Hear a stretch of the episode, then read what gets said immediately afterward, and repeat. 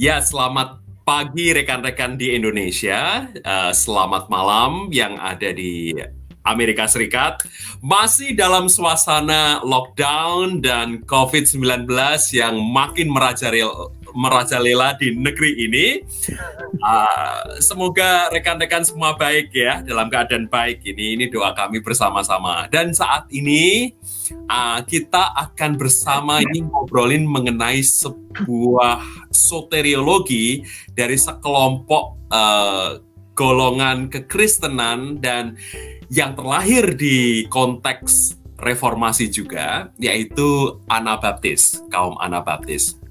Nah, uh, bagi saya tidak ada orang yang lebih baik untuk bicara mengenai soteriologi. Kaum Anabaptis itu daripada rekan kami Bung Perdian Tumanan yang walaupun bukan Anabaptis tetapi justru sekarang ini tinggal di konteks Anabaptis. Iya, iya betul. Gitu ya. Nah, kita akan mendengar perspektif mengenai doktrin keselamatan dari kaum Anabaptis yang biasanya disebut sebagai anak tiri reformasi, gerakan sayap kiri reformasi, terus kemudian sempalan gerakan reformasi dan sebagainya dan seterusnya. Apa yang baik, apa yang bisa dibawa oleh golongan yang seperti seperti ini yang dicap negatif oleh banyak orang, baik dari Katolik maupun dari Protestan. Iya. Nah, itu Bung Ferdian itu tugasnya nanti menguraikan kita.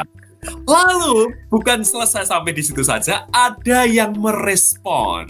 Wah, mantap. Yang merespon ini adalah seorang yang memang benar-benar anak baptis dan Mennonite tulen.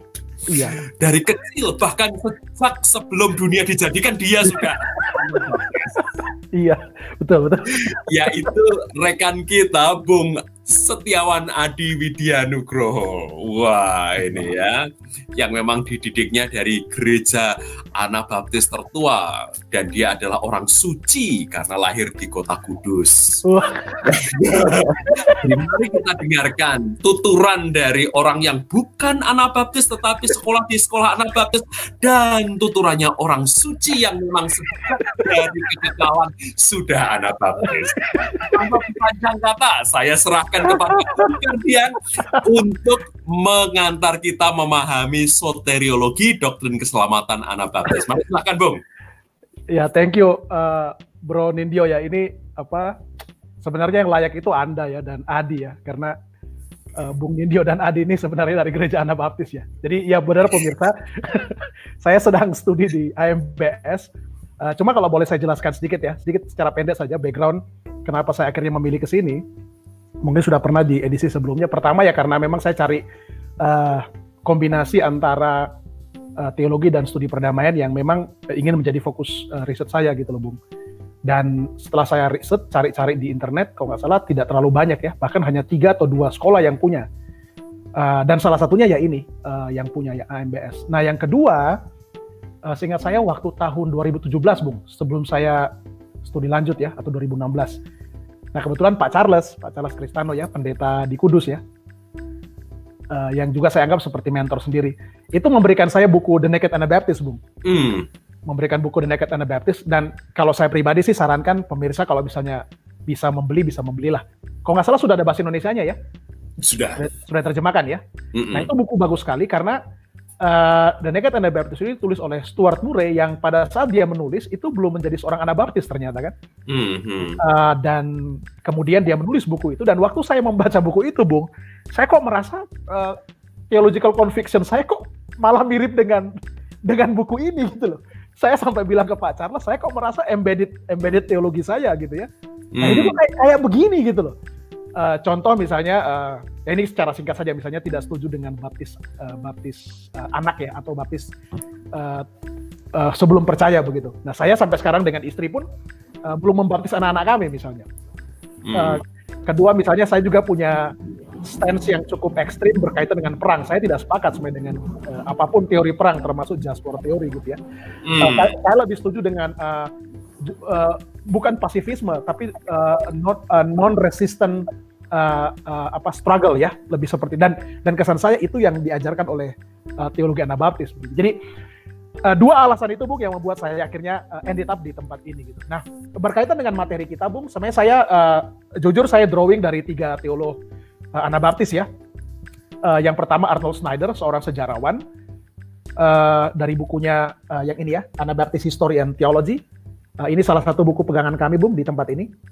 Uh, ini buku bagus sekali kalau misalnya pemirsa mau belajar sejarah uh, Anabaptis dan teologi Anabaptis dan perkembangannya, trajektorinya. Karena kesan saya uh, bahasanya sangat uh, readable dan enak enak sekali untuk untuk diikuti. Jadi kita itu seperti baca cerita sebenarnya. Uh, Snyder seorang uh, sejarawan yang dalam menulis uh, sangat baik. Uh, yang kedua, saya juga suka dengan dengan buku ini karena uh, mungkin Bung Nindyo yang lebih paham ya. Cuma yang saya pelajari di sini karena kebetulan semester ini kami belajar ini di, di tempat ini ada dua ada dua strand ya, ada dua stream penafsiran hmm. secara Anabaptis. Yang pertama uh, teori monogenesis dan yang kedua teori uh, polygenesis. Uh, teori monogenesis cenderung uh, men-set aside cerita-cerita uh, negatif uh, tentang uh, yang ada di seputar lahirnya ada baptisme. Misalnya uh, monster itu di dikucilkan begitu ya dianggap tidak anabaptis. Uh, tapi uh, justru yang saya suka uh, dan saya appreciate dengan profesor kami uh, Jamie Pitts di tempat ini karena dia justru memilih Snyder yang uh, pro polygenesis. Uh, harus hmm. diakui, harus diakui sejarah Anabaptis tidak cuma sekedar uh, sekitar hal-hal yang berkait, berbau perdamaian dan non resistant. Uh, ternyata dalam sejarahnya juga uh, kaum Anabaptis juga uh, ada yang melakukan uh, violent resistance ya, seperti misalnya Munster yang terlibat di Peace and War 1524 sampai 1525 dan juga ada sejarah satu kota ya, kota Munster sendi uh, sendiri. Nah, saya drawing dari itu yang pertama, Bung. Yang kedua dari uh, dua teolog uh, Helmut Harder uh, sudah pensiun kalau nggak salah beliau di Canadian Mennonite University dan uh, Thomas Finger ya Thomas Finger uh, seorang teolog yang cukup terkenal juga ya uh, dari Amerika Serikat yang nulis satu buku saya sudah kembalikan kemarin saya baca uh, buku tebal itu uh, tentang teologi Anabaptis. Nah ini gambar yang terkenal dari dari uh, dari apa ya uh, yang suka dielaborasi oleh kaum Anabaptis ini. Uh, Dirk Williams uh, yang ini karena ini kisahnya menarik sebenarnya ya dan ini mewakili bukan cuma sekedar sejarah, tapi juga kesan saya uh, esensi dari Anabaptisme. Jadi ini kisah di mana Dirk Williams, uh, dia orang Belanda, Bung ya. Dia orang uh, Mennonite Anabaptis Belanda, dikejar-kejar oleh orang yang pemerintah ya, uh, agen pemerintah yang ingin membunuhnya. Tapi kemudian uh, dalam singkat cerita, orang yang mengejarnya itu jatuh terperosok di uh, es yang membeku tapi kemudian itu rapuh gitu ya. Nah, alih-alih melarikan diri, yang sebenarnya bisa menghindarkan Dirk Williams dari dari penganiayaan bahkan uh, kematian, justru Dirk Williams itu balik dan menyelamatkan orang itu. Hmm. Dan akhirnya gara-gara itu dia ditangkap bahkan dibakar hidup-hidup ya. Dia dibakar di di, di tiang gitu. Seperti uh, hukuman-hukuman mati pada zaman dulu. Nah, uh, singkat cerita, kaum Anabaptis uh, itu artinya sederhana saja, uh, membaptis ulang. Ana itu dari bahasa Yunani bisa berarti against, tapi juga bisa berarti uh, again, ya, re, rebaptize. Uh, saya tanya sama profesor saya, apakah ada unsur against di situ? Uh, karena ada Munster dan kawan-kawan misalnya bilang, enggak, itu enggak ada, enggak ada kaitan dengan resisten itu. Jadi Anabaptis itu singkat, singkatnya hanya bicara soal rebaptizing, ya. Uh, dan sebenarnya uh, Anabaptisme itu kalau secara uh, teologi itu tidak bisa dilepaskan dari dari uh, reformasi Luther dan uh, Zwingli Uh, kenapa saya berani mengatakan begitu? Karena dalam sejarah tokoh-tokoh Anabaptis mula-mula itu dekat dengan dua tokoh itu ya. Uh, contoh misalnya Karlstadt, Andreas Karlstadt itu kalau nggak salah dekat dengan Luther. Uh, Schwenkfeld juga dekat dengan Luther begitu. Kemudian uh, Munster bahkan itu sebelum dia ikut Peace and War itu dekat sekali dengan Luther dan kagum pengagum apa ya uh, fansnya Luther sebenarnya. Hmm. Uh, uh, di Swiss misalnya uh, uh, Felix Manz, kemudian uh, Konrad Grebel. Nah, itu orang-orang yang bahkan menjadi murid dari Zwingli. Uh, murid-murid yang sangat cerdas ya, sangat bernas. Nah, ini harus saya akui Nah ini saya katakan tadi sama Bung Yosi ya orang-orang Anabaptis Mennonite itu dari dulu cerdas-cerdas sih sebenarnya. Nah ini ini kelompok kelompok apa ya kelompok murid Zwingli yang boleh dikata inner circle yang super cerdas tapi juga sangat kritis ya.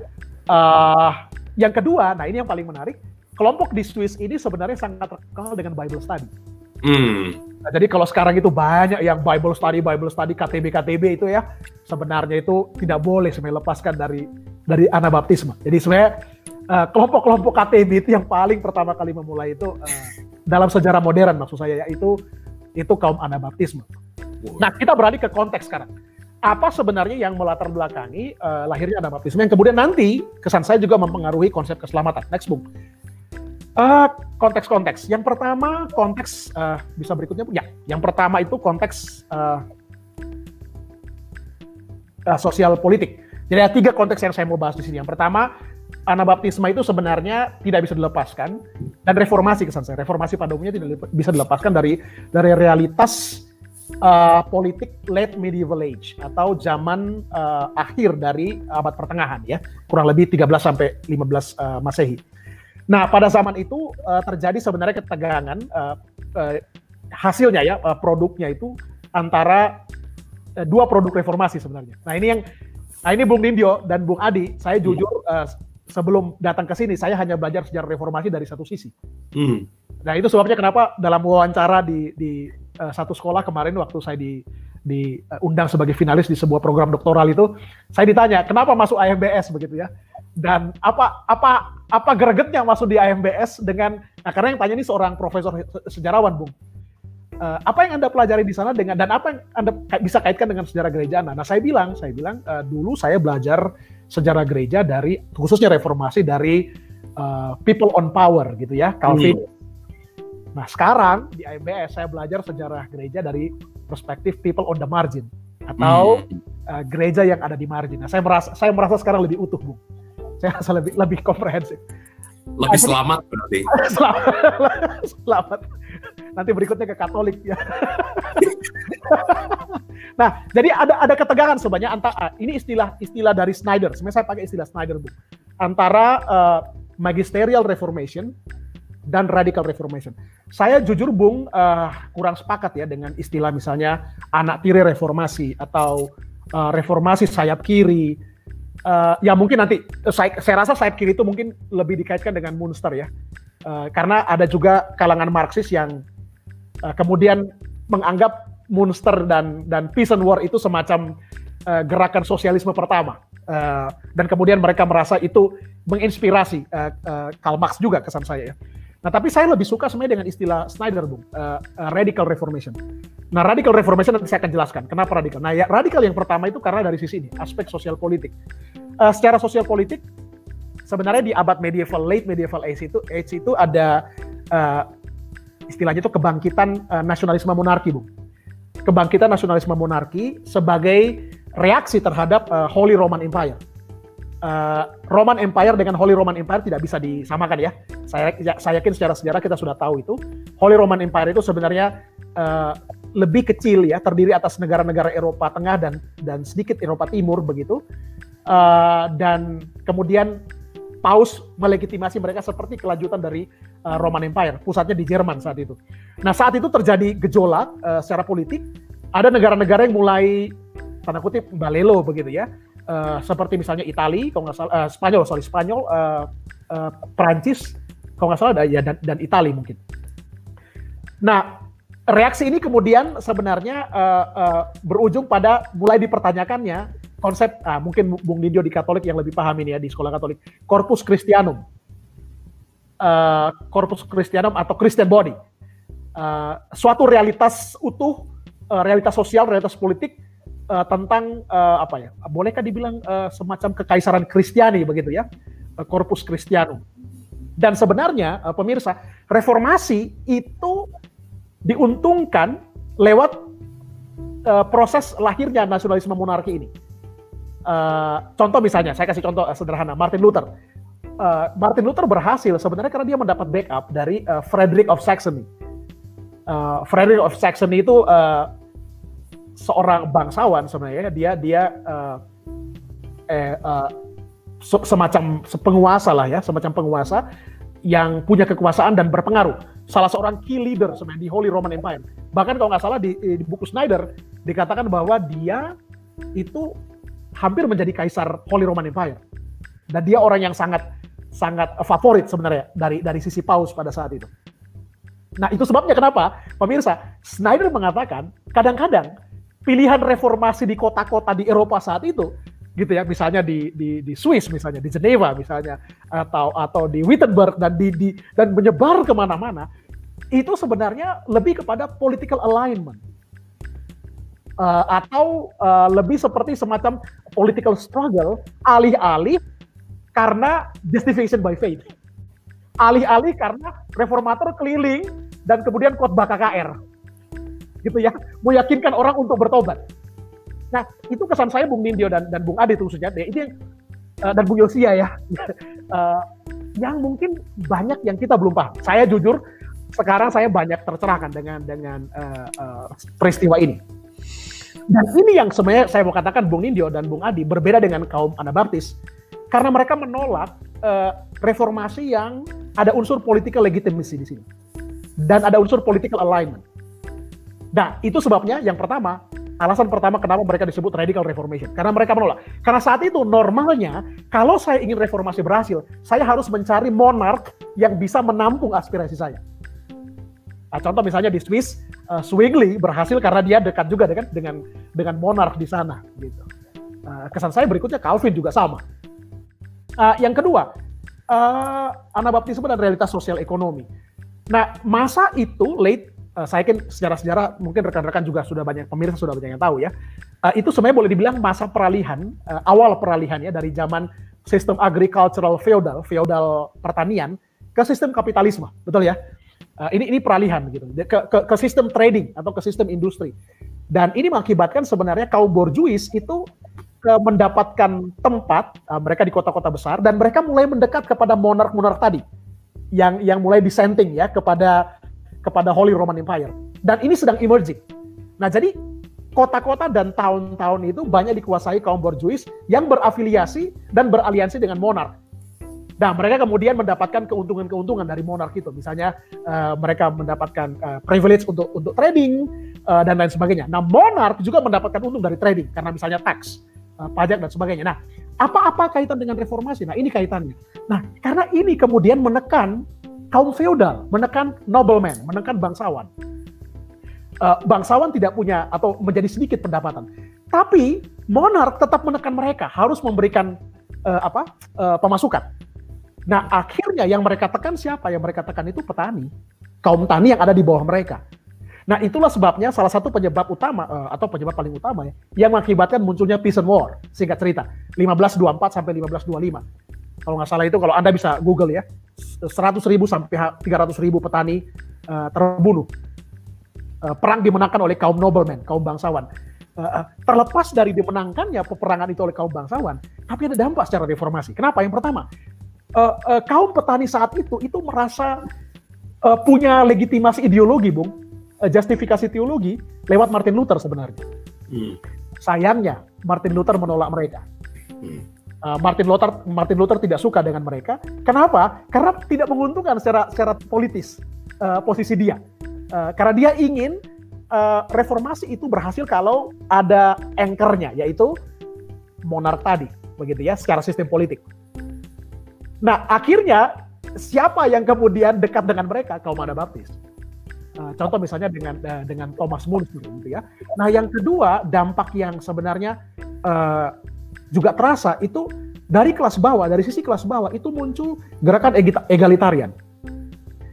Dan inilah kesan saya yang juga akhirnya sangat menafasi teologi kaum Anabaptis. Uh, kalau contoh misalnya kaum Anabaptis awal itu uh, jelas-jelas terang-terangan mereka uh, di banyak kota ya sebenarnya mereka menolak uh, misalnya uh, lending money dengan interest. Hmm. Jadi kalau anda kalau kalau misalnya orang mau belajar sosialisme uh, sedikit banyak saya setuju dengan dengan Marx, Bung. mungkin sosialisme termasuk yang paling awal dalam arti secara positif, Bung ya. Uh, saya bicara positif di sini, justru kaum Anabaptis karena tidak tidak boleh lending money dengan dengan uh, interest dan kemudian atau akumulasi kapital. Jadi kaum Anabaptis itu betul-betul uh, uh, ada di pihak uh, kaum yang marginal ini, kaum kaum kaum tani ini. Nah, yang yang berikutnya tentu reformasi dari sisi uh, religious. Nah, bisa buka slide berikutnya, Bung. Nah, reformasi agama. Sekarang saya mau sedikit fokus, saya tidak bisa panjang lebar uh, pemirsa karena waktu terbatas. Intinya begini, intinya adalah uh, saya hanya paparkan tiga hal di sini.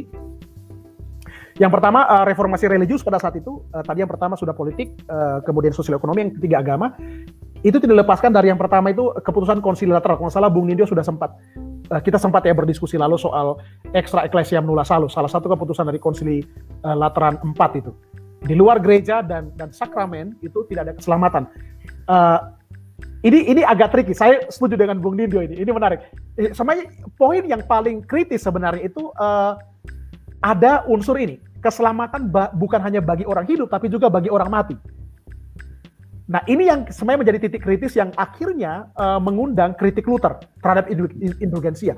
Karena uh, keselamatan kepada orang mati itulah yang kemudian memunculkan uh, konsepsi treasury of merit yang yang leftover, yang tersisa dari Kristus, uh, dari Maria dan orang-orang suci yang kemudian diperjualbelikan lewat indulgensi.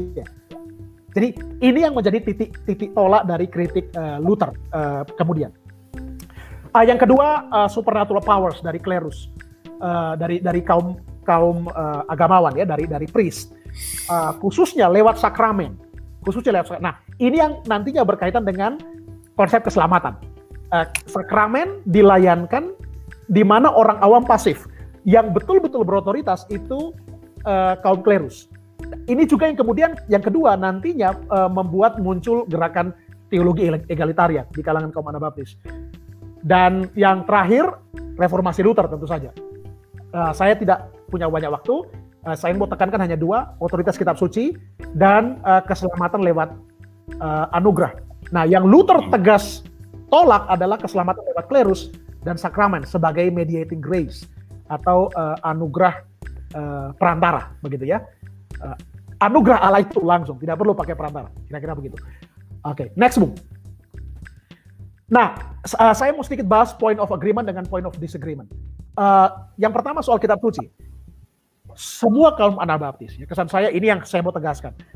Uh, semua kesan saya ya, semua saya nggak tahu nanti silakan Bung Adi, Bung Nindo kritik saya kalau saya salah. Kesan saya semua tokoh mula-mula kaum Anabaptis itu sepakat dengan Luther bahwa otoritas Alkitab di atas tradisi, di atas uh, kemudian setuju dengan literal reading of the scripture.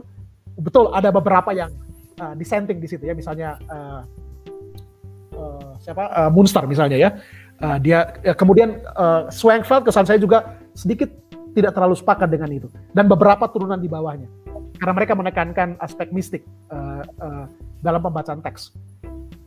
Dan yang kedua, uh, uh, sorry dan dan dan uh, kristosentris. Jadi Alkitab harus dibaca secara kristosentris. Nah, konsnya uh, titik yang berbeda. Nah, Anda bisa lihat di sini tiga tokoh paling dini Uh, saya tidak bilang mereka tokoh Anabaptis, tapi mungkin ini semacam apa, Bung? Proto Anabaptis mungkin ya. Uh, misalnya uh, Karlstadt. Karlstadt menekankan dia sepakat dengan uh, Martin Luther external word, tapi juga dia bilang perlu internal word yang bekerja lewat Holy Spirit. Nah, di sini mulai mulai ada peran penting dari Roh Kudus. Yang kesan saya betul, Luther tidak terlalu tekankan di doktrin Alkitabnya. yang kedua, uh, uh, Munster. Munster yang mungkin agak sedikit ekstrim karena dia seorang spiritualis, dia seorang mistik, uh, dia uh, jelas-jelas uh, menekankan soal direct teaching of Holy Scripture. Jadi dia tekankan betul-betul soal inner word yang di, uh, disampaikan oleh Roh Kudus kepada seseorang. Jadi Munster ini lebih lebih mistik daripada eksegetik, ya. Dia tidak terlalu setuju dengan yang eksegetik itu. Dia yang agak ekstrim memang. Nah terakhir Swangsfeld. Swangsfeld ini mau mengkaitkan dengan transformasi. Kalau Karlstadt itu bicara soal uh, pentingnya balance, kalau Munster pentingnya suara Roh Kudus hadir dalam diri seseorang. Nah, kalau Schwenkfeld semua itu penting, baik, tapi tanpa transformasi kehidupan itu tidak ada gunanya. Jadi hanya orang yang punya Roh Kudus misalnya yang bisa menyampaikan, memahami firman dengan baik. Nah, dari sini nanti Anda, Anda mulai bisa lihat pemirsa, eh, bagaimana nanti ini berpengaruh kepada doktrin keselamatan. Mulai kelihatan ada unsur pentingnya respon. Pentingnya seorang percaya itu merespon kepada karya Allah. Tidak semata-mata justification by faith. Oke, okay, uh, next. Uh, kemudian, nah ini uh, konsep keselamatan. Uh, Pro-nya sama-sama sepakat dengan Luther, justification of sinner by God's grace through faith in uh, Christ's sacrificial death. Semua sepakat dengan itu. Nah, ada beberapa titik perbedaan ya. Anda bisa lihat di slide itu. Misalnya bagi Kalstad, anugerah Allah juga termasuk regenerasi. Anda bisa lihat ini, regenerasi yang membimbing pada kemuritan dan ketaatan. Tidak cukup cuma sekedar dengan justification by faith. Harus ada ketaatan, obedience, dan kemuritan, discipleship. Atau dalam bahasa Jerman apa yang terkenal dari kaum Anabaptis itu? Bung. Nachfolge. Ya, kalau nggak salah. Saya nggak tahu cara ucapkannya. Nachfolge ya, benar ya? Betul, betul. Ya, gara-gara belajar Anabaptis jadi sedikit-sedikit Jerman ya. Wih. Ini bukan bukan dari Bonhoeffer Anda. Oh, enggak ada. Oh, Bonhoeffer jangan-jangan baca Anabaptis. nah, yang kedua, yang kedua Munster. Mereka yang dipilih diselamatkan nggak tahu termasuk uh, jadi gini, orang yang dipilih dia dia tidak menolak doktrin pemilihannya, tapi bagi dia harus ada bukti, yaitu lewat uh, uh, perubahan uh, transformasi dan bagi dia ada internal purification dan renewal. Dan itu proses yang menyakitkan, painful. Itu proses yang menyakitkan bagi bagi monster. Nah, kalau Svensfeld yang ditekankan itu orang yang diselamatkan pasti punya Roh Kudus yang akan mengubah. Nah, lagi-lagi Anda lihat ada beberapa kemiripan di sini. Uh, walaupun ada titik-titik perbedaan, yaitu apa? Ada perubahan hidup, ada ada perubahan transformasi karakter. Walaupun misalnya uh, monster itu lebih menekankan soal aspek painfulnya, painful dari proses itu. Tapi sama-sama menegaskan soal ketaatan, kemuridan, nahfolga gitu ya, uh, discipleship. Uh, lagi-lagi, discipleship kalau buat saya Anda bisa dilepaskan. Anda belajar discipleship, baca buku-buku Anda baptis. Anda pasti akan tercerahkan. Serius, ya, saya serius. Uh, jangan cuma metode-metode, uh, baca Anda baptisme. nah, berikutnya, sekarang kita masuk ke poin yang menjadi topik kita ini, keselamatan. Nah, pada umumnya uh, sebenarnya lagi-lagi mereka sepakat dengan para reformator uh, lainnya. Semua orang berdosa di hadapan Allah, Adam uh, di hadapan Allah. Di dalam Adam semua orang berdosa uh, dan tidak ada yang layak diberikan anugerah Allah. Kematian Kristus menghadirkan jalan keselamatan. Nah, lagi-lagi ini titik saya. Ini ini poin stressing saya yang penting. Uh, dan saya minta kita hati-hati supaya tidak salah mengerti. Yang membedakan Anda baptisme adalah keselamatan itu menjadi efektif kalau ada respons. Ada aspek human responsibility. Nah, dengan kata lain, Bung Nindyo atau Bung uh, Adi ya, saya pikir saya setuju dengan kaum, kaum Anabaptis yang yang menolak Luther yang membuang kitab Yakobus misalnya atau surat surat Yakobus. Justru bagi kaum Anabaptisme, surat Yakobus itu penting, super penting. Itu ciri keselamatan gitu ya. Ada perbuatan baik di sana. Tapi jangan salah paham, mereka tidak mengatakan bahwa perbuatan baik demi diselamatkan. Bukan save by merit, bukan save by uh, by good work, bukan. Tapi tanda keselamatan ya badge keselamatan itu lewat kesaksian dari hidup yang diubahkan itu. Ini saya sudah kayak khotbah malahan ini. nah jadi ini next book. Nah ini jadi human human responsibility. Nah uh, mungkin ya ini yang membedakan Bung Dinyo dan Bung Adi ya uh, uh, dan Bung Yos dengan mungkin seperti Calvinisme misalnya. Karena Calvinisme itu menganut negatif antropologi. Uh, misalnya contoh dengan konsep uh, total depravity ya uh, kaum ada baptisme justru sebaliknya bagi mereka yang yang terjadi itu positif antropologi uh, bahwa walaupun betul oh kaum ada baptisme menora, uh, menerima original sin tapi buat mereka original sin itu kemudian tidak membuat manusia itu rusak serusak rusaknya uh, nanti saya akan jelaskan ya nanti kalau kita nanti kita akan lihat uh, Menno Simon nah jadi lagi-lagi ada aspek ini saya masih kristalisasi uh, konsepnya ya di awal ini perbuatan baik dan yang kedua kehidupan komunal. Nah ini yang lebih penting. Bagi kaum anabaptisme uh, uh, pemirsa, uh, gereja ini contoh? Saya kemarin buat paper, Anda bisa bisa download ya, Bung Nindyo ya. Mm-hmm. Uh, pemirsa bisa download ada paper yang saya buat kemarin uh, di bisa lihat di channel kita. Saya kemudian tertarik dengan konsep gereja dari kaum anabaptisme yang dalam bahasa Jerman itu Gemeinden. Gemeinden itu apa ya? Brotherhood jadi kaum ada baptisme itu tidak saat itu lebih lebih suka tidak suka menggunakan lebih suka ya bukan tidak mau lebih suka menggunakan istilah brotherhood uh, karena itu semacam apa ya kehidupan bersama lagi-lagi ya pemuritan kemuritan nah, ini ini belajar KTB kemuritan. Bacao ya bacao. Kok Surabaya keluar? Bacao anak baptisme sangat saya karena lihat ya, saya lihat ini Bung Nindyo, Bung Adi ini kan gereja sekarang lagi banyak nih ya, rame-rame pemuritan ya, pemuritan pemuritan. Tapi saya kok nggak lihat ya penggalian secara sejarah ini. Anu ini, ini berdosa besar ini kalau nggak baca. Saya orang bukan Anabaptis ya, tapi harus baca. Anda mau pemuritan, baca Anabaptisme ya. Baca, baca, baca, baca. Anabaptis. Saya bisa sarankan beberapa bacaan. Nah jadi ini. Nah saya mau kutip, saya mau kutip uh, kalimat dari dari uh, Helmut Herder ini ya. Uh, jadi bagi dia ini, an extensions of the gracious word of God in the life of the believer. Itulah salvation. Jadi uh, bagi bagi misalnya Helmut Harder, uh, keselamatan itu lagi-lagi bukan cuma sekedar sampai pada titik orang itu dibenarkan, oke? Okay? Tidak. Jadi uh, keselamatan itu bahkan sampai terus apa ya? Kalau dalam dalam apa itu? Uh, yang saya juga nggak setuju ya konsep uh, ordo salutis ya. Kan ada ada yang namanya sanctification ya. Saya nggak terlalu sepakat sih, tapi oke okay lah kita bilang ada namanya sanctification. Nah bagi kaum Anabaptisme uh, justifika justifikasi atau repentance dengan sanctification itu satu proses yang utuh gitu, tidak bisa dipisah-pisahin, nggak bisa. Jadi saya nggak bisa dikatakan selamat kalau saya tidak sampai pada titik itu. Nah ini tadi Bung Nindo yang saya katakan, Bung, kenapa saya merasa saya embedded teologi saya itu Anabaptis. Karena sebelum saya baca buku itu, Bung, sebelum Anda banyak ngomong soal Anabaptisme, waktu saya masih di perkantas dulu, itu pemahaman saya, Bung. Itu pemahaman saya. Jadi makanya, I don't know uh, itu bagi saya itu logikanya. Mestinya orang kalau sudah terima Kristus itu tidak bisa kalau tidak sampai dia hidup berubah. Jadi begitu saya baca di Nekatan Baptis, saya seperti menemukan ground saya ya, seperti, yeah. seperti menemukan uh, rooted saya gitu, uh, akar saya gitu.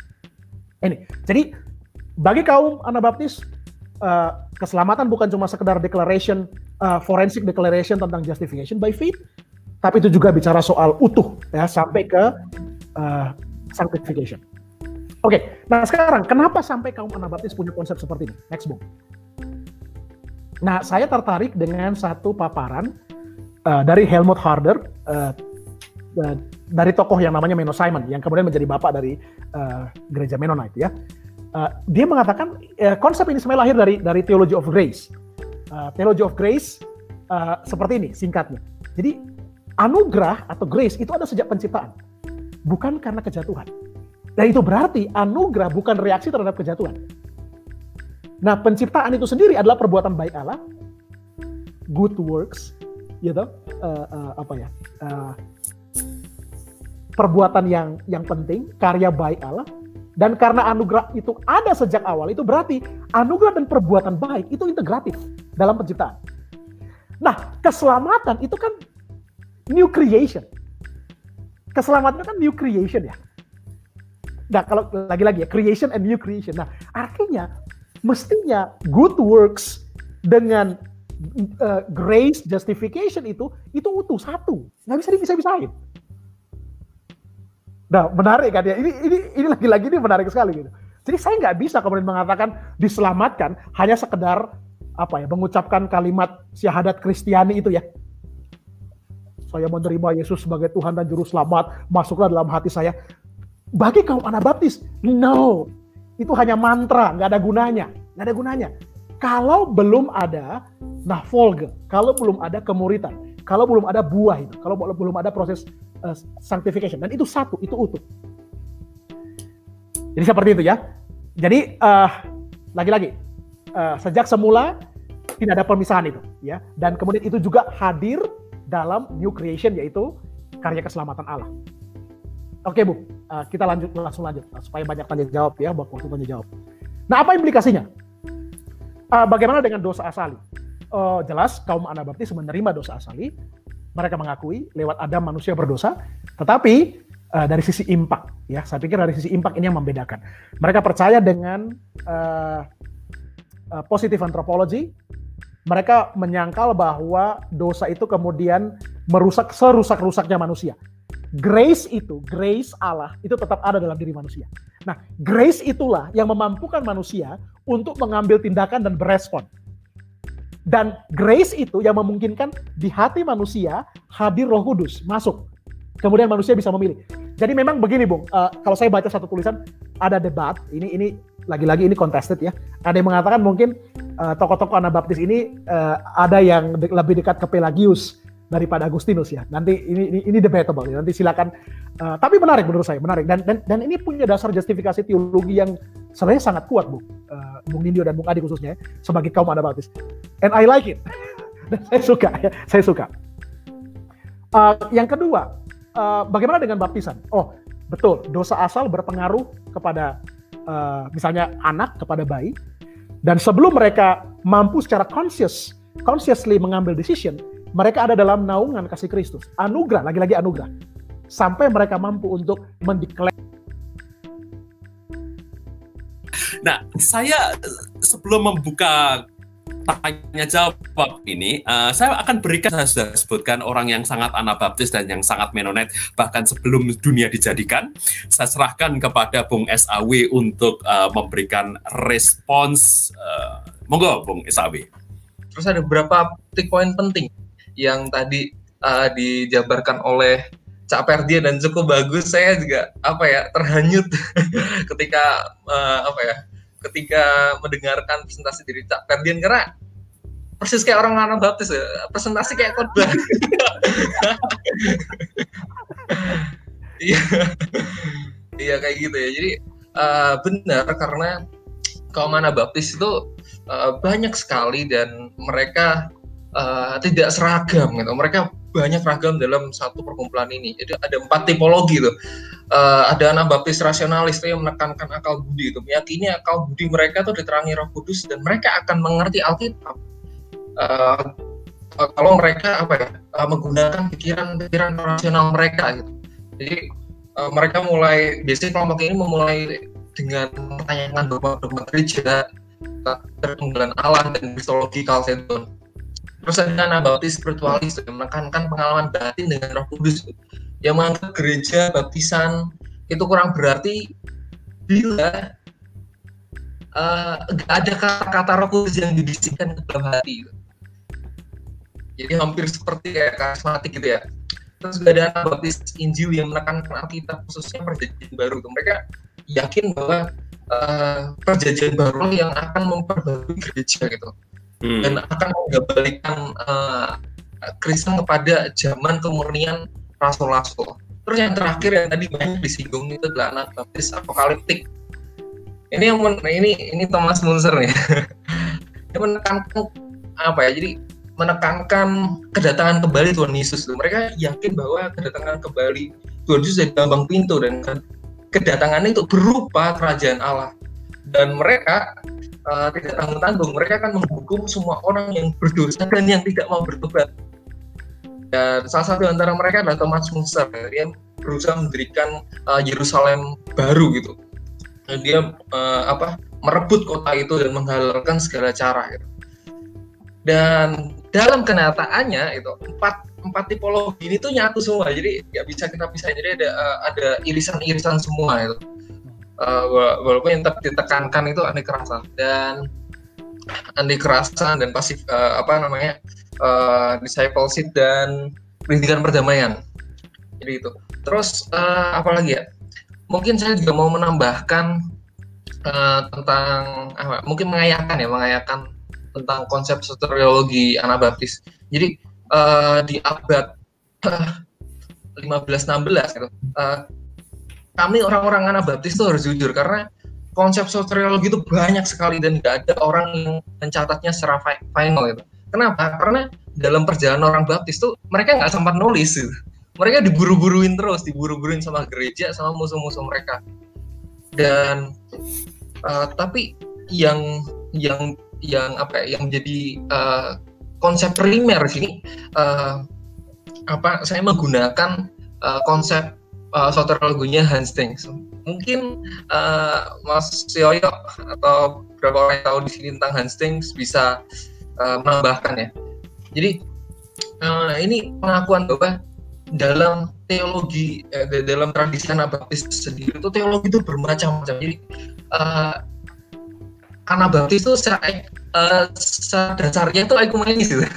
secara ekumenis karena banyak sekali uh, apa ya teologi-teologi yang uh, apa ya namanya hmm, dihidupi gitu dan ketika banyak teologi dihidupi gitu, uh, banyak sekali percakapan-percakapan dan tidak setuju dengan Simon salah satunya yang nggak setuju sama Thomas Luther terus dengan nggak setuju sama O.B. Phillips dan beberapa uh, beberapa uh, beberapa teolog penulis lainnya gitu. dan uh, langsung saja Hansing uh, Hansing tidak terlalu setuju dan tidak terlalu apa ya tidak terlalu um, menekankan konseptual soteriologi gitu. Yang yang jelimet dan, dan dipatenkan tidak gitu um, dia mencoba uh, apa ya menengahi atau menjadi uh, pengayom gitu. Ngomong kaum kaum baptis di konteks dia gitu. Dia menawarkan sebuah soteriologi etis. Apa itu soteriologi etis? Soteriologi etis ini adalah soteriologi soteriologi etis adalah soteriologi yang berfokus pada transformasi diri gitu. jadi kalau benar kata Cakardian bahwa uh, justification and sanctification itu satu paket. Dia, dia bukan kayak mainan yang dijual terpisah itu paket. Jadi kalau kita mendapatkan keselamatan uh, kita uh, tidak hanya mendapat tapi juga merespon gitu. Jadi kayak dikerjakan. Jadi ada satu kata-kata menarik uh, yang saya dapatkan di waktu remaja kerjakan keselamatanmu. Wih. mungkin di jasa songkok tahu ya karena mas saya ada pembina saya waktu remaja. Um, ya itu itu adalah hal yang ditekankan. Karena uh, dalam soteriologi etis ini uh, semua konsep-konsep kita uh, tentang apa ya uh, soteriologi itu uh, dipraktekkan dan ditunjukkan gitu dan tidak hanya ditujukan tapi juga dilatih dalam komunitas gitu. jadi uh, makanya apa ya, jadi kalau kalian uh, ngobrol kalau uh, nanti kalau anak adalah kaum yang memulai KTB itu ya ya benar karena mereka mencoba mempraktekkan soteriologi etis jadi KTB itu adalah bentuk soteriologi etis jadi uh, hmm. apa ya, konsep-konsep soteriologi itu di, dipraktekkan dalam discipleship itu sendiri gitu. Dan saya mengutip satu salah satu apa ya salah satu kata-kata uh, milik Stanley Hauerwas itu salah satu uh, teolog non Amerika dia mengatakan tidak ada orang kudus yang hidup tanpa komunitas bahkan itu sendiri dan menurutnya hidup dalam komunitas.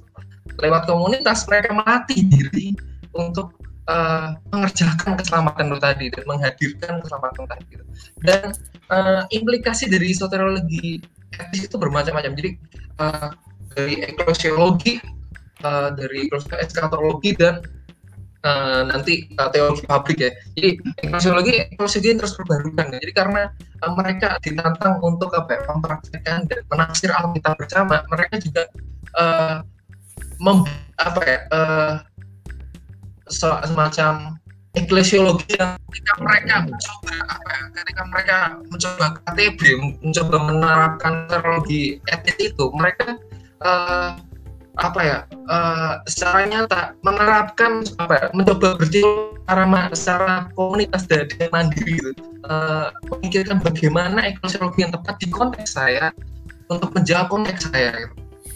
dan uh, semua itu mereka juga membayangkan eskatologi yang tepat di konteks saya dan yang bisa saya lakukan di konteks saya. Uh, apa ya, kemandirian dalam discipleship itu uh, ada di situ. Kemandirian teologi dalam discipleship jadi uh, sekali lagi discipleship nggak bisa dipisahkan dari soteriologi gitu. Karena uh, apa ya percuma kamu hidup dengan pemahaman-pemahaman yang mandiri gitu. Jadi uh, tanpa kamu praktekkan dalam komunitas. Karena di dalam komunitas kita belajar untuk jadi murid Kristus uh, ya sekali lagi ya kita bisa hidup tanpa komunitas. Uh, terus yang terakhir uh, dari saya apa ya dan oh ya konsep teologi publik itu jadi uh, dan ini akan menjadi legitimasi yang besar. Kenapa? Uh, Yesus ketika kami ketika orang-orang ber, apa, berKTP dan uh, menekankan Yesus adalah juru selamat itu bukan sebuah opini tapi political claim gitu. proclamation claim atas siapa itu Yesus jadi begitu besarnya ini begitu besarnya uh, apa ya, uh, kekuatan dari sebuah uh, discipleship itu sendiri dan uh, uh, di situ juga nggak uh, cuma apa ya, pemahaman yang diperlukan nggak cuma uh, cara menafsir rangkaian dan perbarukan tapi juga sense community dan integritas dalam komunitas yang juga dilatih. Ya paling tidak itu dan mungkin saya akan terakhir terakhir terakhir sekali saya akan apa yang apa yang dikatakan oleh Jurgen Moltmann. Uh, jadi uh, Jurgen Moltmann bilang kalau uh, mengatakan bahwa kaum Anabaptis adalah satu-satunya gerakan reformasi iman semata. Karena uh, Jurgen Moltmann uh, ada satu tanggapan yang menarik dari uh, beliau tentang uh, bagaimana beliau melihat uh, apa gerakan Anabaptis. Jadi Anabaptis menurut beliau adalah satu-satunya gerakan reformasi yang didasari oleh iman semata. Dia seperti katakan Guru Pendian tadi, dia tidak, tidak memanfaatkan apa ya politik yang berasal dari monarki atau dari militer, tapi emang benar-benar grassroots dan grassroots itu dekat sama uh, teologi alam. Dan sekali lagi kita ngomong grassroots itu uh, mereka lebih rentan, lebih rentan dan dalam pandangan mereka mereka menolak baptisan bayi ke, uh, ke, ke keanggotaan dalam, dalam negara Kristen. Dan mereka uh, menolak pengambilan sumpah dan kekerasan. Ide yang itu semua uh, satu paket dalam negara Kristen itu sendiri gitu. Dan um, cukup itu dari saya dan saya cukup sekali lagi berterima kasih karena Cak Per sudah mengartikulasikan apa ya uh, pengalaman soteriologi yang saya atau apa ya uh, uh, kaum Anabaptis itu hidup itu sendiri gitu. Cukup. Ya saya pertama-tama terima kasih ya Kak Perdian ya. Saya bukan orang Anabaptis tapi ya menikmati juga. Keren keren keren. Hebat Nah, uh, sebenarnya pertanyaan saya mungkin nggak terlalu langsung menyinggung ke konsep keselamatannya, tapi mungkin berhubungan ke ini ya, ke dampak sosiopolitik pengertian keselamatan nih. Nah, setahu saya, misalnya, maksud, memang saya sepakat sama Kak Perdian, dan ini pengamatan pribadi saya, memang refleksi saya, memang kalau bicara tentang keselamatan uh, dalam konteks reformasi kan, saya pikir dua konteks yang penting, tadi Kak Perdian udah bilang di uh, presentasi itu memang berhubungan sama kerajaan tadi ya, ya, uh, kerajaan monarki Kristen begitu. Ya mereka juga mau membuat kerajaan dengan satu agama tertentu kan begitu. Dan yang kedua memang konteks keselamatan ini kan juga ditelurkan dalam konteks yang mayoritas Kristen kan. Yang saling oposisi satu dengan yang lain begitu. Nah bagi saya yang menarik uh, waktu itu kan sebenarnya Islam pun sudah dikenal ya misalnya hmm. di Luther sendiri misalnya bilang masalah Turki itu ya untuk merujuk kepada Islam itu. Calvin setahu saya belakangan juga mulai kirim misionaris ya. Tapi ini kurang saya kurang terlalu tahu juga. Yang ingin yang, yang membuat saya tertarik begitu uh, sekarang kalau buat konteksnya maksud saya yang konteks yang Calvin dan Luther ini pun bagi saya sebenarnya kan juga jadi konteks dari orang-orang Anabaptis pada waktu itu ya walaupun mereka tidak dekat dengan penguasa nah begitu tapi ada kemiripannya begitu nah pertanyaan saya maksudnya kira-kira uh, buat orang-orang Anabaptis ini golongan yang Islam ini seperti apa ya? Nah itu mungkin saya kepikirnya itu sih. Uh -uh. Golongan apa? Golongan apa? Yang Islam, Islam. Muslim, Muslim. Islam, Muslim. Okay. Begitu. Nah, nah memang saya bilang tadi nggak terlalu hubungan dengan konteks konsep soteriologinya, uh, tapi saya pikir mungkin ini menarik juga ya, karena selalu imajinasi saya tuh, saya selalu berpikir kalau Calvin, Luther, ketemu sama orang Islam secara langsung mungkin gitu ya seperti yang orang Katolik lakukan nah dampaknya mungkin bakal berbeda kali ya soteriologi ini kan cuma tebakan saya gitu. Nah dalam imajinasi ini juga makanya saya berpikir nah mungkin nggak kalau tokoh-tokoh reformasi seperti apa ya maksudnya Anabaptis seperti apa? Nah itu sih. Terima kasih kak. Wow, wow, wow. Silahkan Bung Ferdian ini bisa ditanggapi dua ini. Ya, yang yang apa tadi kalau berkaitan Islam itu, uh, saya sempat tanya juga dengan dengan Prof saya di sini ya karena betul seperti Anda bilang kan sebenarnya waktu itu kan ada ancaman invasi Turki ya. Yes. Uh, kalau Prof saya bilang memang uh, hampir jarang sekali ya tulisan tulisan-tulisan karena mereka seperti tadi Bung Adi bilang mereka dikejar-kejar uh, penguasa ya penguasa. Jadi tidak kepikiran gitu loh. karena itu mereka. Nah cuma yang menarik Bung kalau dalam konteks interfaith mungkin uh, dengan orang Yahudi gitu. Nah itu yang eh, karena kalau nggak salah saya baca di bukunya Snyder itu ada satu peristiwa di mana ada satu tokoh Anabaptis uh, yang sebelumnya dia Katolik priest, nah, saya lupa namanya siapa ya. itu dia datang ke tempat itu dan dia melayani sebelum jadi Anabaptis ya. Uh, kemudian waktu dia di tempat itu ada sinagog yang kemudian dibakar dan no statement, no statement. Jadi itu pun jangankan uh, Islam ya, bahkan dengan uh, jadi waktu itu ada, ada persekusi kepada kaum Yahudi sebenarnya. Karena kaum Yahudi kan sudah lama di Eropa ya. Uh, itu pun uh, tidak terlalu banyak itu. Uh, nah tapi lagi-lagi saya saya tidak mau mengatakan bahwa mereka tidak concern ya. Saya juga tidak tahu yang pertama. Atau kalaupun ada uh, ada uh, Prof saya bilang uh, sedikit saya nggak tahu mungkin Bung Enes yang bisa tambahkan kalau ada. Tapi kesan saya yang ketiga Bung uh, lagi-lagi tadi itu ya uh, uh, musuh yang mereka hadapi itu ya itu tadi. Uh, Katolik kemudian uh, dari Luther kemudian dari dari Zwingli. Uh, dan ketiga ini mengepung mereka. Mengepung mereka dan ini uh, sangat mengancam begitu ya. Sangat mengancam begitu. Saya saya jujur uh, resources saya udah sekarang waktu paper pertama saya saya pengen buat itu sebenarnya bu. Uh, tapi resource-nya sangat sangat scarce ya benar sangat uh, jarang sekali itu sangat jarang Ya, itu sih. Atau Bung Enes mau tambahkan mungkin? Saya menambahkan sedikit karena saya ingat ini um, pertanyaan Bung Yosia ini sangat penting dan memang sangat bagus. Um, itu waktu saya menerjemahkan satu buku yang insya Allah akan akan tersedia nanti tahun depan pada waktu General Assembly di di uh, Semarang, uh, World Mennonite Mennonite World Conference, um, yaitu buku Bearing Witness itu ya. Nah, kalau Anda membaca di bagian Michael Sattler, saya ah. ingat itu. Michael Sattler itu jelas sekali posisinya berbandingan dengan eh, posisi-posisi uh, reformator arus utama. Oke. Okay. Jadi jadi Michael Sattler, by the way, Michael Sattler juga orang yang berada di belakang apa yang disebut sebagai pengakuan-pengakuan slide time. Slide time ya. Ya, uh, terus dia mengatakan begini, saya kutip, jika orang-orang Turki datang, dia katakan, kita seharusnya tidak melawan mereka, sebab ada tertulis, engkau, kamu tidak boleh membunuh. Ah, Lepas kita setuju atau tidak, tetapi yang yang menarik di sini yaitu bahwa Michael Sattler percaya posisi yang memang sangat radikal dalam hal ini bahwa orang Kristen tidak boleh membunuh. Selanjutnya dia katakan, uh, engkau yang adalah Kristen, yang bermegah di dalam Kristus, menganiaya orang-orang yang menjadi saksi-saksi Kristus yang setia dalam spirit orang-orang Turki. Nah, di sini Anda lihat juga, Michael Sator melihat orang-orang Turki, orang kaum Muslim yang menginvasi itu juga para pembunuh.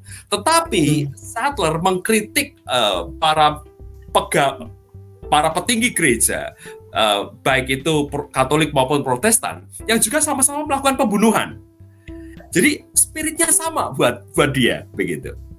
Nah, tapi dalam hal ini uh, menarik juga kalau kalau kita bisa melihat posisi Sattler terhadap Islam dalam hal ini. Ya. Bung NS sudah tambahkan yang tadi ya. Uh, dan begini, saya nggak tahu apakah saya benar ya, Bung NS atau Bung Adi ya. Tapi yang saya pahami sebenarnya uh, perubahan radikal yang sangat radikal. Artinya uh, ajaran proto proto teaching ya soal non violence itu sebenarnya sudah ada ya. Cuma itu menjadi betul-betul uh, uh, bahkan didokumenkan itu nah, tadi setelah Michael Sattler tadi ya uh, lewat Sky Time. Karena itu kemudian pemimpin-pemimpin Anabaptis bertemu kan di, di Sky Time dan mereka merumuskan bersama-sama karena hadirnya penganiayaan yang luar biasa kepada orang Anabaptis akibat and war tadi, akibat uh, uh, uh, perang uh, kaum tani tadi, yang kemudian mengakibatkan semua orang Anabaptis, walaupun tidak pro Munster, itu juga dianiaya. Jadi uh, seolah-olah ketidaksetujuan teologis kepada kaum Anabaptis itu mendapatkan legitimasi untuk menganiaya mereka setelah Munster. Jadi kasihan orang-orang yang bahkan tidak setuju dengan Munster itu juga turut turut dibantai begitu uh, Bung Yos. Nah itu saya nggak tahu Bung NSC tapi kesan saya waktu sekarang saya waktu saya baca Michael Sattler Bung yang 7, 7 eh 12 poin ya 12 poin slide time itu uh, ada yang poin-poin yang kesan saya itu setelah penganiayaan setelah uh, besar-besaran penganiayaan dan itu khususnya poin-poin non violence dan betul terima kasih karena menarik sekali kemudian dia tambahkan termasuk kepada orang-orang uh, non Eropa tapi terlepas dari itu, Bung Nindyo, uh, saya justru melihat walaupun sekali time confession belum ada, bisa jadi, Bung, dengan konsepsi keselamatan yang menekankan soal religious freedom tadi, bisa jadi orang-orang Anabaptis akan punya uh, punya konsepsi yang sama. Ya, ke kenapa harus dipaksakan agama gitu loh? Toh, toh itu kan karya-karya Roh Kudus dalam hati seseorang. Nah, saya saya sih begitu konsep, uh, komentar saya, Bung. Nah, uh, terima kasih Bung Bung Ferdian. Kalau benar bahwa uh, apa namanya setiap orang itu punya kehendak untuk menanggapi um, keselamatan yang ditawarkan oleh Kristus karena mereka itu sudah diberi anugerah terlebih dahulu. Nah, lalu uh, kerja karya dari anugerah yang sudah ada itu sendiri apa? Dengan arti lain adalah uh, apakah semua orang yang berdosa juga memiliki anugerah yang seperti itu, Bu, menurut pandangan anak baptis? Ya, atau hanya orang-orang tertentu saja begitu. Nah, saya saya sih uh, uh, Bung uh, cenderung melihat uh, saya nggak tahu, lagi-lagi saya bisa salah. Ini ini ini kesimpulan saya. Uh, it, uh, keselamatan seperti seperti invita invitation. Jadi mm -hmm. uh, keselamatan itu bukan bukan seperti sebuah karya agresif Yep. Uh, itu seperti karya Kristus yang merengkuh segala sesuatu dan itu sifatnya menginvite everybody. Jadi kalau anda tadi katakan apakah itu kemudian ke, semua oh ya ya bagi kaum Anabaptis semua termasuk orang-orang berdosa. Jadi bagi kaum Anabaptis Kristus bukan mati bagi segelintir orang yang dipilih. Yeah, yeah. Kristus mati bagi itu itu clear dalam kitab suci bagi kaum Anabaptis. Yeah, yeah. Uh, uh, misalnya Yohanes pasal 3 16. Kristus mati bagi dunia. Kristus mati bagi semua orang dan sifatnya di invite Nah, buat saya, Bung, ini menjadi logis pada saat tadi dikaitkan dengan uh, kemampuan untuk merespon yang kemudian dikaitkan dengan uh, seperti Menno Simon ya, dikaitkan dengan creation, new creation, and God's grace plus uh, good works of God yang sudah ada sejak penciptaan. Itu buat saya, Bung, di jam baik sejak zaman itu, itu itu itu fascinating, itu hmm. mind blowing. Hmm. Gitu mind blowing buat saya, Mind blowing. Wah, terima kasih ini, Bung. Uh, bagi saya, ya itu fair karena memang tidak ada dan tidak ada waktu bagi orang Anabaptis untuk duduk exactly. dan kemudian mengkonsepkan itu. Exactly. Terima kasih, terima kasih. Yosia. Uh, saya tertarik juga sekarang lebih menariknya ke sini kan tentang keselamatan. Tentunya bicara keselamatan tuh pasti ada hubungannya dengan kedaulatan Allah kali ya. Hmm. Dan saya pikir ini kan kata kuncinya. Nah, kalau orang Anabaptis melihat kedaulatan Allah gimana? Nah, misalnya contohnya karena latar belakang saya misalnya Presbyterian kan dulu misalnya. Nah, Westminster Confession of Faith itu kan bilang ada effectual calling gitu ya.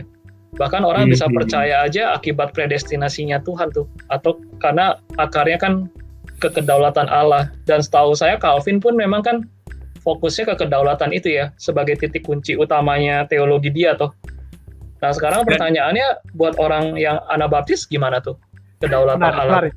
Kepemilihan dan udah dipilih dulu, jadi efektifnya memang buat orang yang dipilih kan. Kalau buat yang Presbyterian kan gitu kan. Ya. Setidaknya ya. sepemahaman saya ya berdasarkan pembacaan Westminster Katekismus, Katekismus Westminster kan. Uh, lagi-lagi uh, mungkin Bung Dini yang lebih lebih lebih banyak membaca ya saya karena masih awal-awal sekali saya membaca uh, dan kalau boleh saya berkomentar yang pertama Uh, saya nggak tahu Bung NS ya, tapi bisakah saya katakan bahwa uh, penekanan-penekanan teologi tertentu juga tidak bisa dilepaskan dari so kondisi sosial politik? Uh, maksud saya begini Bung, uh, kenapa kemudian kedaulatan Allah itu menjadi penekanan pada teolog-teolog tertentu? Itu karena mereka ada pada posisi kekuasaan. Itu hmm. karena mereka ada pada posisi kedaulatan. Nah, itu sangat berbeda, Bung Yosia, dengan kaum Anabaptis. Kedaulatan Allah itu, oh mereka mengakui. Tapi bagi mereka, the life of Christ itu menjadi titik sentral. Makanya, uh, Bung Nindyo, saya pernah tanya sama Prof. saya di sini, Bung. Uh, kenapa ya orang-orang Calvinis misalnya suka sekali dengan dengan Roma, misalnya kan kedaulatan Allah, kedaulatan Allah. Sedangkan kaum Anabaptis suka sekali dengan apa? Khotbah di bukit. saya suka sekali dengan dengan dengan uh, uh, uh, uh, ucapan bahagia misalnya. Uh, chapel kami di sini namanya uh, Chapel of the Sermon on the Mount. chapel kami di sini. Saya justru saya justru malah mau memprovokasi di sini nih, Bung. Ya, ya. Uh, tadi ada sebutkan bahwa uh, buat orang Anabaptis uh, mereka menentang Luther bahwa Luther itu menolak Yakobus begitu kan. Jangan-jangan buat kaum Anabaptis semua surat Paulus itu tidak ada faedahnya.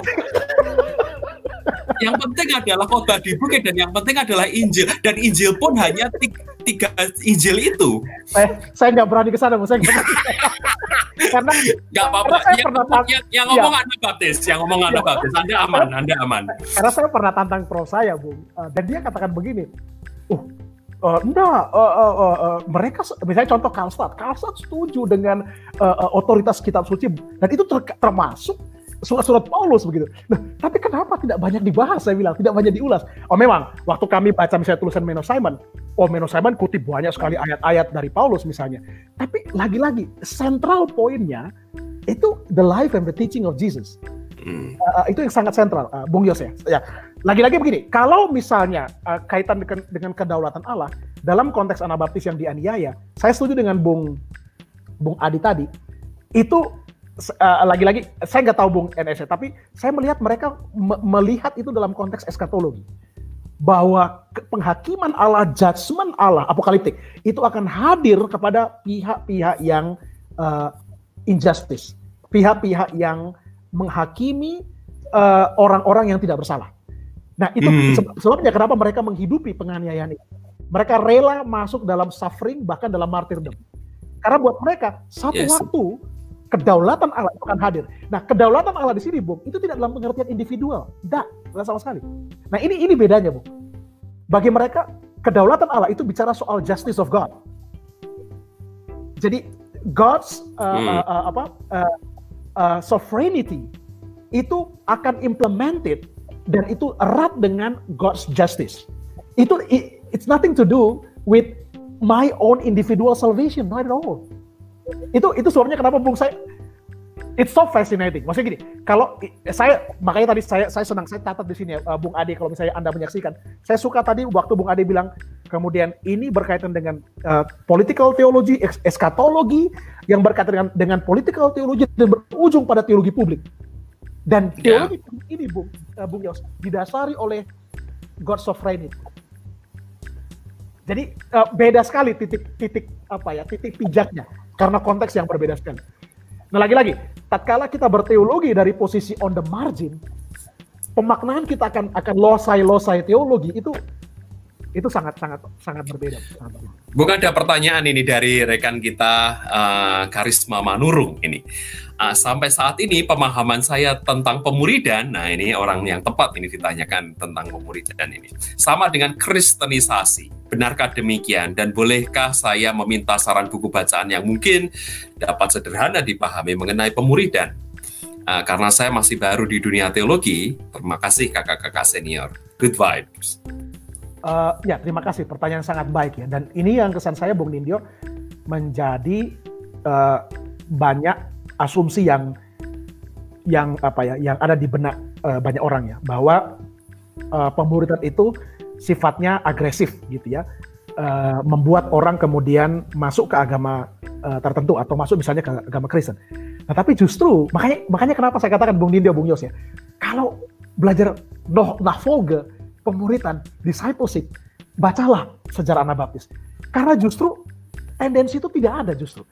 Lagi-lagi tadi saya katakan, yang paling menarik karena mereka uh, tidak terlalu tertarik dengan soal predestinasi dan uh, dan universalitas, universalisme.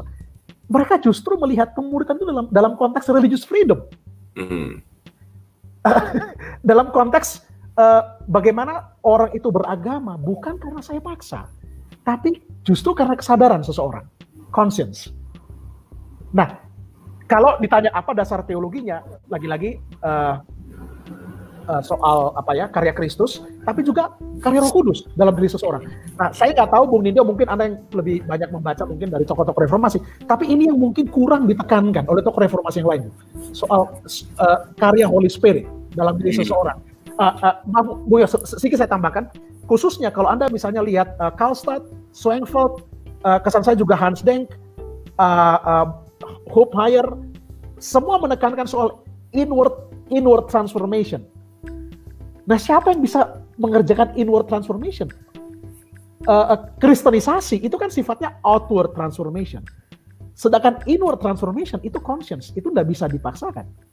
Nah, itu berbeda dengan misalnya kalau kita berbicara soal reformation dari sisi magisterial yang yang ada ancaman misalnya kalau kamu tidak sepakat dengan saya Hmm, hmm, menarik. Bung Yosia. Nah, tapi dalam konteks ini kak, saya justru pengen ini ya sedikit nyentil dikit ya. Nah, justru kan konsep pemuridan Anabaptis itu kan justru di, diciptakannya dalam konteks persekusi ya, ya kan? Makanya ada religious freedom ya karena dipersekusi kan begitu. Terus katakanlah misalnya kenapa egalitarian ya dipersekusi kan begitu kan beda dengan Calvin dan Luther yang memang punya power tadi kan kita sudah bicarakan itu. Nah justru dalam konteks sekarang katakanlah kekristenan Indonesia yang sebenarnya nggak mengalami persekusi yang sama. Nah ya tentu ini kan kita bicara demografi kan umum ya. Kalau bicara demografi yang lebih spesifik kita akan menemukan memang ada orang-orang yang dipersekusi ada yang tidak begitu. Tapi secara umum kekristenan di Indonesia kan nggak ada persekusi seperti yang Anabaptis ya rasakan tuh. Nah sekarang pertanyaan saya justru uh, seberapa kontekstual kalau misalnya mau dikaitkan pemuritan Anabaptis dengan keadaan Indonesia yang sebenarnya beda head to head. Nah malah dalam dalam konteks yang seperti ini makanya lebih cocok yang konsep yang lebih Calvin katakan begitu kan karena ya nggak ada persekusi kan gitu nggak ada head to headnya gitu. Saya saya memberikan catatan juga di sini. Uh, saya mau hmm. keluar dari anabaptisme saya ini. Uh, saya mau memberikan hmm. catatan sejarah juga bahwa uh, apa namanya kedaulatan Allah dalam uh, sejarah dan juga uh, uh, apa namanya um, doktrin predestinasi itu juga memberikan comfort buat orang-orang Presbyterian, buat orang-orang reform, khususnya pada waktu mereka dianiaya. Contoh misalnya, Huguenots, kaum Huguenots, gitu kan. Itu kan mereka juga dianiaya, di, dikejar-kejar mereka tapi keyakinan mereka mengenai kedaulatan Allah bahwa Allah itu sudah mengasihi mereka jauh sebelum dunia ini diciptakan itu bukan bikinan. Pada waktu uh, uh, orang santai begitu mengkonsepkan itu tetapi memang sangat-sangat memberikan pengharapan dan penghiburan pada waktu justru mereka itu sedang dianiaya. Terus apa yang terjadi misalnya di Heidelberg sampai kemudian munculnya um, uh, uh, katekismus Heidelberg gitu kan 1536 misalnya. Itu kan apa yang yang misalnya peperangan pasca peperangan itu dan juga apa yang terjadi um, uh, tahun 1527 wabah yang mematikan. Bahkan Hans Deng yang kita tadi sebut beberapa kali itu juga uh, matinya itu kena wabah itu 1527 dia mati. Um, dan dan by the way orang-orang reform itu juga mendapatkan comfort karena jiwa dan tubuh mereka itu sudah menjadi Kristus bahkan Allah sudah mengasihi mereka jauh sebelum dunia itu diciptakan. Semoga saya menjadi sedikit uh, presbyterian di sini. nah, itu gimana kalau begitu? Nah, nah justru justru juga juga ini catatan yang diberikan oleh oleh oleh oleh ah tiba-tiba namanya lupa uh, seorang teolog feminis uh, presbyterian mengajar di Yale um, yang membuat Church in the Round. Um, Oke, okay, namanya saya lupa tiba-tiba. Uh, nah, dia mengatakan begini: kalau seandainya uh, doktrin predestinasi itu diletakkan dalam konteks yang santai, yang semuanya itu aman dan tidak ada persekusi, malah justru doktrin predestinasi itu akan sangat-sangat menindas. Dia adalah Berarti... sangat oppressing. Siapa? Letty M. Russell. Letty M. Russell. Betul. Letty M. Russell. Itu di, di buku Church in the Round itu. Dia mengatakan begitu. Nah, saya memberikan memberikan ke ke ke, ke apa cara pandang yang yang seimbang coba ini. Bagaimana menurut rekan-rekan?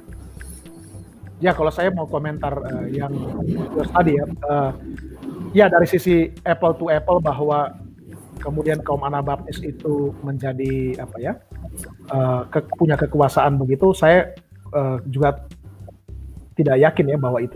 Tapi saya nggak tahu Bung Nindyo, kesan saya juga ada kota-kota Anabaptis kok ya pada zaman itu ya, yang mayoritas Anabaptis hmm. kan.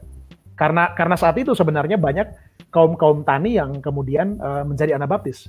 Tapi saya rasa reserve orang-orang Anabaptis untuk mengatakan bahwa mereka itu punya kota karena biasanya ya, mereka ya. akan memisahkan exactly. Mereka akan ya betul mereka akan akan akan pergi.